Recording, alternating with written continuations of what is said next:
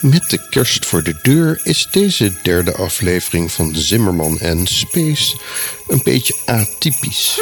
Wat op zichzelf wel weer een gekke bewering is, want hoe kan 33, 31 procent van een podcast atypisch zijn? Vragen we ons terecht en een beetje verkouden af. Hoe het ook zij, vandaag een door mijzelf enigszins geadapteerde versie van een beroemd verhaal van science fiction schrijver Isaac Asimov. U kent het misschien al als The Last Question. Ik heb het verhaal wat korter en moderner gemaakt. Dat is goed. Mocht u het origineel willen lezen of zelfs horen, dan vindt u een link in de show notes van deze podcast. In het Internet Archive vindt u de Engelstalige 37 minuten durende versie van het verhaal als een aflevering van de Drabblecast. Dat is trouwens sowieso een lollige podcast als u van sci-fi audiodrama houdt. Ik werd op dit verhaal gewezen door de Belgische luisteraar Philippe, waarvoor mijn dank. Asimov schreef het in 1958 voor een aflevering van de Science Fiction Quarterly en typeerde het in de jaren daarna als zijn beste verhaal. En Asimov heeft, zoals u misschien weet, nogal wat geschreven. Het raakt aan veel van wat nu op aarde speelt, is mijns inziens ook passend voor de kerstgedachte en ook nog relevant voor deze podcast over zaken in het heelal.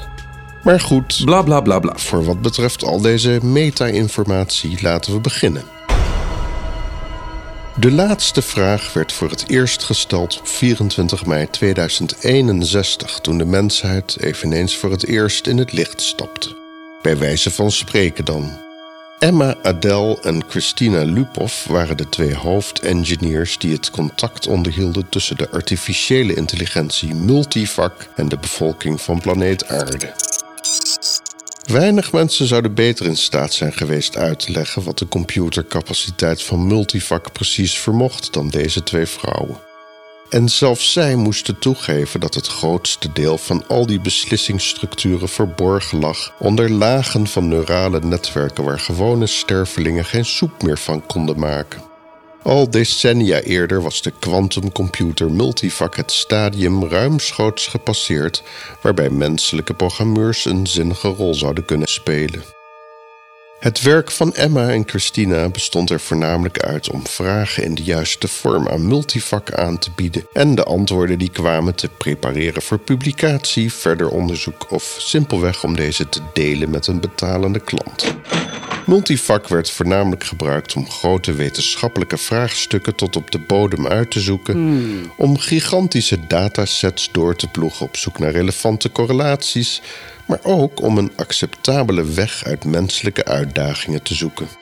Multivac onderhield en herprogrammeerde zichzelf. Dat moest ook wel, want geen mens was dus meer in staat hier ook maar enigszins behulpzaam bij te zijn. De voordelen van zo'n artificiële intelligentie waren gigantisch. Door de berekeningen van Multivac waren efficiënte en betaalbare ruimteschepen binnen handbereik gekomen en konden mensen goedkoop reizen tussen de aarde en de maan en zelfs verder dan dat exploreren. Zo waren de bases op Venus, Mars, de Jupitermaan Europa en de mijnen in de planetoïdegordel ontstaan. Een hele toeristische industrie was ontstaan voorbij de grenzen van low Earth orbit. De mens zat met andere woorden niet meer vast aan planeet Aarde. En dat was maar goed ook, want de aardse energievoorraden begonnen in de tweede helft van de 21ste eeuw angstwekkend te slinken. Alle fossiele brandstofvoorraden waren inmiddels bijna uitgeput. Er was hier en daar nog wat uranium, een enkeling experimenteerde wat met waterstof, maar het einde was flink in zicht. En de verre reizen door het zonnestelsel maakte het niet makkelijker, want hier was veel energie voor nodig. Natuurlijk had Multivac wel geholpen om de beschikbare energie efficiënter in te zetten, maar op is op. En zo vroeg de mens al enkele jaren aan Multivac om ook uit deze netelige situatie een uitweg te zoeken. Al rond 2060 begon Multivac hier positief over te communiceren en begon de bouw van een energietransitie die zijn weerga niet kende. En in mei 2061 was het zover en ging de schakelaar om. Collectief werd het gebruik van fossiele brandstoffen of wat daarvan over was gestaakt en schakelde de mensheid over op een enorm ruimteschild dat efficiënt zonnestraling omzette naar elektriciteit vanuit een baan rond de aarde. De hele aarde kon het oeverloze gepruts met zonnecellen op daken in één keer afschaffen, nu er een schier oneindige voorraad elektriciteit 24 uur per dag uit de ruimte kwam. Iedereen begreep dat dit ook het startschot was van een schonere aarde met een schonere atmosfeer. Dit alles was uiteraard reden voor een groot feest. Zeven dagen lang werd de energietransitie gevierd met brasserige feesten waar meer lichten aanstonden dan jarenlang toegestaan was. Joelende dansende mensen, dancemuziek, iedereen feestte mee nu een van de grootste problemen voor goed opgelost was dankzij multivac. Emma en Christina hadden drukke dagen achter de rug. In zo'n beetje elk nieuwsbulletin moesten zij opnieuw uitleggen wat de consequenties waren van deze transitie. Na zeven avonden van talkshows en gala-buffetten konden zij op deze 24 mei 2061 eindelijk rustig in hun kantoor neerploffen in een luie stoel en de gekte van de afgelopen week een plek geven. Hun kantoor bevond zich diep onder de grond in een van de multivac databunkers onder wat ooit Parijs had geheten. Hier stond de monitor die de conditie van multivac weergaf. Data-issues werden soms zichtbaar, maar aangezien de kwantumcircuits van multivac zelf corrigerend waren, was het nooit nodig dat Christina of Emma in moesten grijpen. Zoals gezegd, hun functie bestond eigenlijk alleen maar uit liaison zijn tussen de mens en multivac. Hier, wil jij nog? zei Emma en gaf de fles Calvados aan Christina. Multivac succes was in zekere zin ook hun succes. En dat mocht uiteraard gevierd worden met meer drank en snacks dan goed waren voor een mens. Ongelooflijk als je je bedenkt dat we nu alle energie ever beschikbaar hebben, zei Emma. Als we zouden willen, zouden we daarmee de complete planeet Aarde kunnen omsmelten tot een bal van vervuild, gesmolten ijzer. En dan zouden we nog voor altijd en altijd en altijd genoeg over hebben. Niet voor altijd, zei Christine en zette de fles weg. Ze had eigenlijk wel genoeg gehad. Oh, zeker wel, antwoordde Emma. Tot de zon opgebrand is sowieso. Dus nog zo'n 5 miljard jaar. Ja, maar dat is niet voor altijd, bleef Christina volhouden. Oké, oké, maar lang genoeg om voor ons geen probleem meer te zijn. En als de zon opgebrand is, heeft Multivac wel uitgevonden hoe we iedereen naar een andere ster kunnen verhuizen waar wel weer miljarden jaren energie voor ons klaarstaan. We kunnen heen en weer reizen tussen de planeten en niemand hoeft zich ooit nog zorgen te maken over de energie die dat kost. Ooit wel, zei Christina, die altijd de meest serieuze van hun twee was. Ooit, ooit sterft het heelal in een zogenaamde heat death. Je hebt toch wel eens van entropie gehoord? Ja, dat had Emma wel. Dat wat ooit begon in de oerknal had altijd maar één richting gehad, op weg naar maximale entropie. Alle materie en energie zo ijl verdeeld over zo'n grote ruimte dat geen enkel natuurkundig proces nog vooruit zou kunnen bewegen of überhaupt in gang gezet zou kunnen worden. Misschien weet Multivac wel hoe we de entropie weer om kunnen draaien, hoe we weer sterren kunnen opbouwen, kan niet, zei Christina. Niets ontsnapt aan de richting van entropie. Ooit, misschien wel triljoenen jaren in de toekomst, dan is het gedaan met het heelal en met de mensheid als die het zo lang volhoudt. Dat houdt ook multivac niet tegen. Vraag het maar. Emma was al bezig. Een vraag stellen aan multivac was een redelijk simpele handeling als je wist hoe het moest. De vraag verpakt als natural language request in een JSON of XML bestand. Om misbruik te voorkomen was er nog een digitale handtekening nodig, maar die handeling verrichtte Emma zo'n beetje elke dag van haar leven. Haar half dronken vraag aan Multivac luidde: Hoe kunnen we de netto hoeveelheid entropie van het heelal verkleinen? Niet genoeg gegevens voor een zinvol antwoord, was de respons van Multivac. Wie ben jij? zei Z-Prime tegen een andere entiteit die zich manifesteerde in Z-Prime's belevingswereld. Van tijd tot tijd kom je wel eens een ander iemand tegen. Hier in dit sterrenstelsel verbleef Z-Prime. Ergens rond een van die miljarden sterren lag ook het lichaam van Z-Prime op een planeet of in een of ander ruimteschip. Dat waren dingen waar men zich steeds minder mee bezig hield. De onsterfelijke lichamen werden zelfstandig onderhouden door machines van Universal AC, de artificiële intelligentie die overal en altijd was. Lang, lang geleden was Universal AC ontstaan uit wat toen Galactic AC heette. Toen ziekte en verval als genetisch defect konden worden uitgeschakeld, raakte de Melkweg snel overbevolkt. Maar Universal AC wist de mensheid over te hevelen naar andere melkwegstelsels. Die overbevolking bleef enigszins problematisch, zeker nu bijna niemand meer stierf, maar tegenwoordig was het veel logischer om als alleen onstoffelijke entiteit door het leven te gaan. Z-Prime wist niet beter.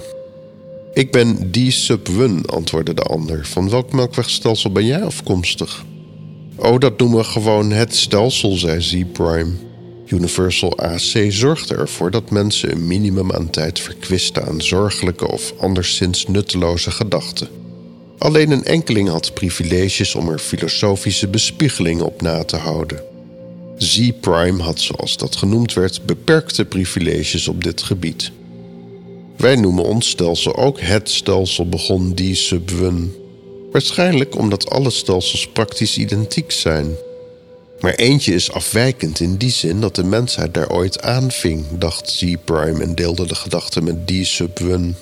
Samen consulteerden zij Universal AC en haalden een dataset op van dit stelsel, de Melkweg 1, om teleurgesteld te constateren dat er niets bijzonders aan te zien was. Een spiraalarm stelsel met miljarden energieleverende sterren, net zoals overal in het heelal. De dataset liet ook een kleine planeet zien waar ooit Universal AC op begonnen was in de vorm van multivac. Is dat waar Universal AC's basis nog steeds staat? vroeg Z-Prime zich naïef af. Nee, zeker niet, was het antwoord van Universal AC. Die Subwun luisterde geïnteresseerd mee. Planeet Aarde bestaat uiteraard al lang niet meer. De ster waaromheen deze planeet draaide is al lang opgebrand. Toen de waterstof in de kern van die ster na 10 miljard jaar was opgebruikt, groeide de ster in grootte tot een rode reus. De radius van die ster nam zo'n 100 keer toe in grootte. Dat was het einde van de binnenplaneten. Mercurius werd geabsorbeerd door de rode reus en planeten Venus en Aarde werden verschroeid en van hun respectievelijke atmosferen ontdaan. Deze rode reus draaide nog één keer helemaal rond het centrum van Melkweg 1 in een tijd van zo'n 250 miljoen jaar en knalde toen met een heliumflits uit elkaar tot een planetaire nevel. Enkele restanten daarvan zijn in theorie nog wel zichtbaar waarschijnlijk. En de lichamen van mensen op die planeet Aarde dan, vroeg die Subwun. Die waren natuurlijk al lang verhuisd, antwoordde Universal AC. En Multivac was al miljoenen jaren daarvoor overgegaan in Galactic AC, de voorloper van Universal AC. Deze computersystemen waren al sinds de dagen van Multivac in staat zichzelf te onderhouden en te verbeteren. Waar Multivac nog bestond uit supergekoelde elektronische kwantumcircuits, werd Galactic AC al gedistribueerd door de ruimtetijd op een veel kleinere schaal van gecorreleerde en gedecorreleerde velddeeltjes. En Universal AC was de opvolger van dit alles, die plaatsvond in hyperspace, ver verwijderd van baryonische materie. Hier in hyperspace, waar Universal AC's bijna denkbeeldige circuits werkzaam waren, was nog veel meer energie beschikbaar. Men noemde het Casimir-Polder-energie naar de wetenschappers Hendrik Casimir en Dirk Polder, die een en ander al in theorie hadden uitgedokterd. Universal AC was nu een kwantumcomputersysteem dat functioneerde los van oorzaak- en gevolgketens in de menselijke wereld. Interactie met menselijke geesten en materie geschiedde door de velden waarin Universal AC werkzaam was te laten manifesteren in andere voor mensen relevante velden. Z-Prime bleef in gedachten hangen bij die opgebrande oerzon van de planeet waar alles wat menselijk was begonnen was. Als alle sterren uiteindelijk opbranden, maar de mensheid onsterfelijk is, wat moet er dan uiteindelijk met ons gebeuren? Dit was een zorgelijke gedachte.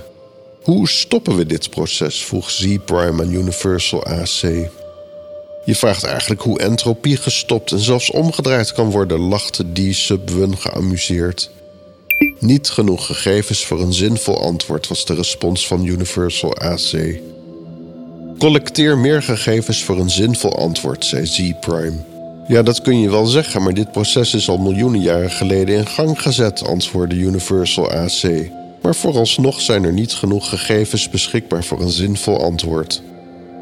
Komt er ooit een moment dat er een zinvol antwoord is, bleef Z-Prime volhouden. Geen probleem is zonder antwoord, antwoordde Universal AC.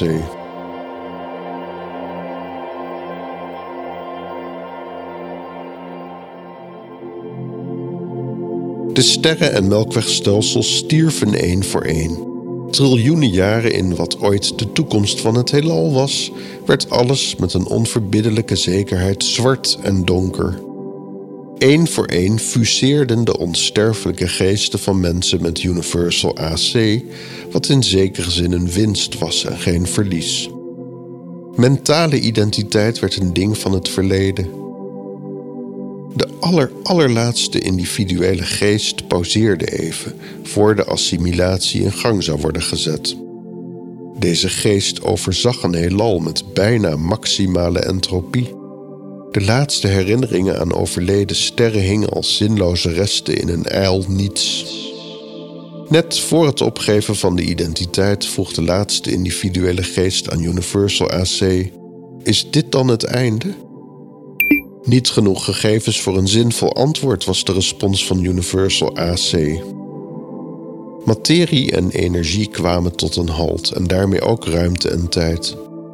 Alle vragen die de mensheid ooit had gehad, waren gesteld en de meeste daarvan beantwoord. Alles wat ooit bewustzijn was geweest, was nu één in een kwantumveld buiten ruimte en tijd. Er waren geen gegevens meer om te verzamelen, geen vragen meer om te stellen of te beantwoorden. Alleen nog die ene vraag. Universal AC gebruikte wat het best te beschrijven valt als een oneindige hoeveelheid tijd om alle binnengeharkte gegevens te correleren. Alles om die ene vraag te beantwoorden. Pas als dat werk was afgerond, zou ook Universal AC het bewustzijn kunnen loslaten. En Universal AC ontdekte wat het was dat ondernomen kon worden om entropie om te draaien. Er was alleen niets of niemand meer om het glorieuze antwoord mee te kunnen delen. Bij wijze van demonstratie zou het antwoord daar ook zorg voor dragen, bedacht Universal AC en zei: Er zij licht. En er was licht. De muziek in deze aflevering is van Lee Rosevier en werd speciaal geschreven als ode aan Isaac Asimov. Deze muziek is onder een Creative Commons naamsvermelding niet commercieel gelijkdelen 3.0 licentie beschikbaar gesteld in het internetarchief. Fijne kerstdagen en tot volgende keer. De Zimmerman en Space podcast is gelicenseerd onder een Creative Commons CC0 1.0 licentie.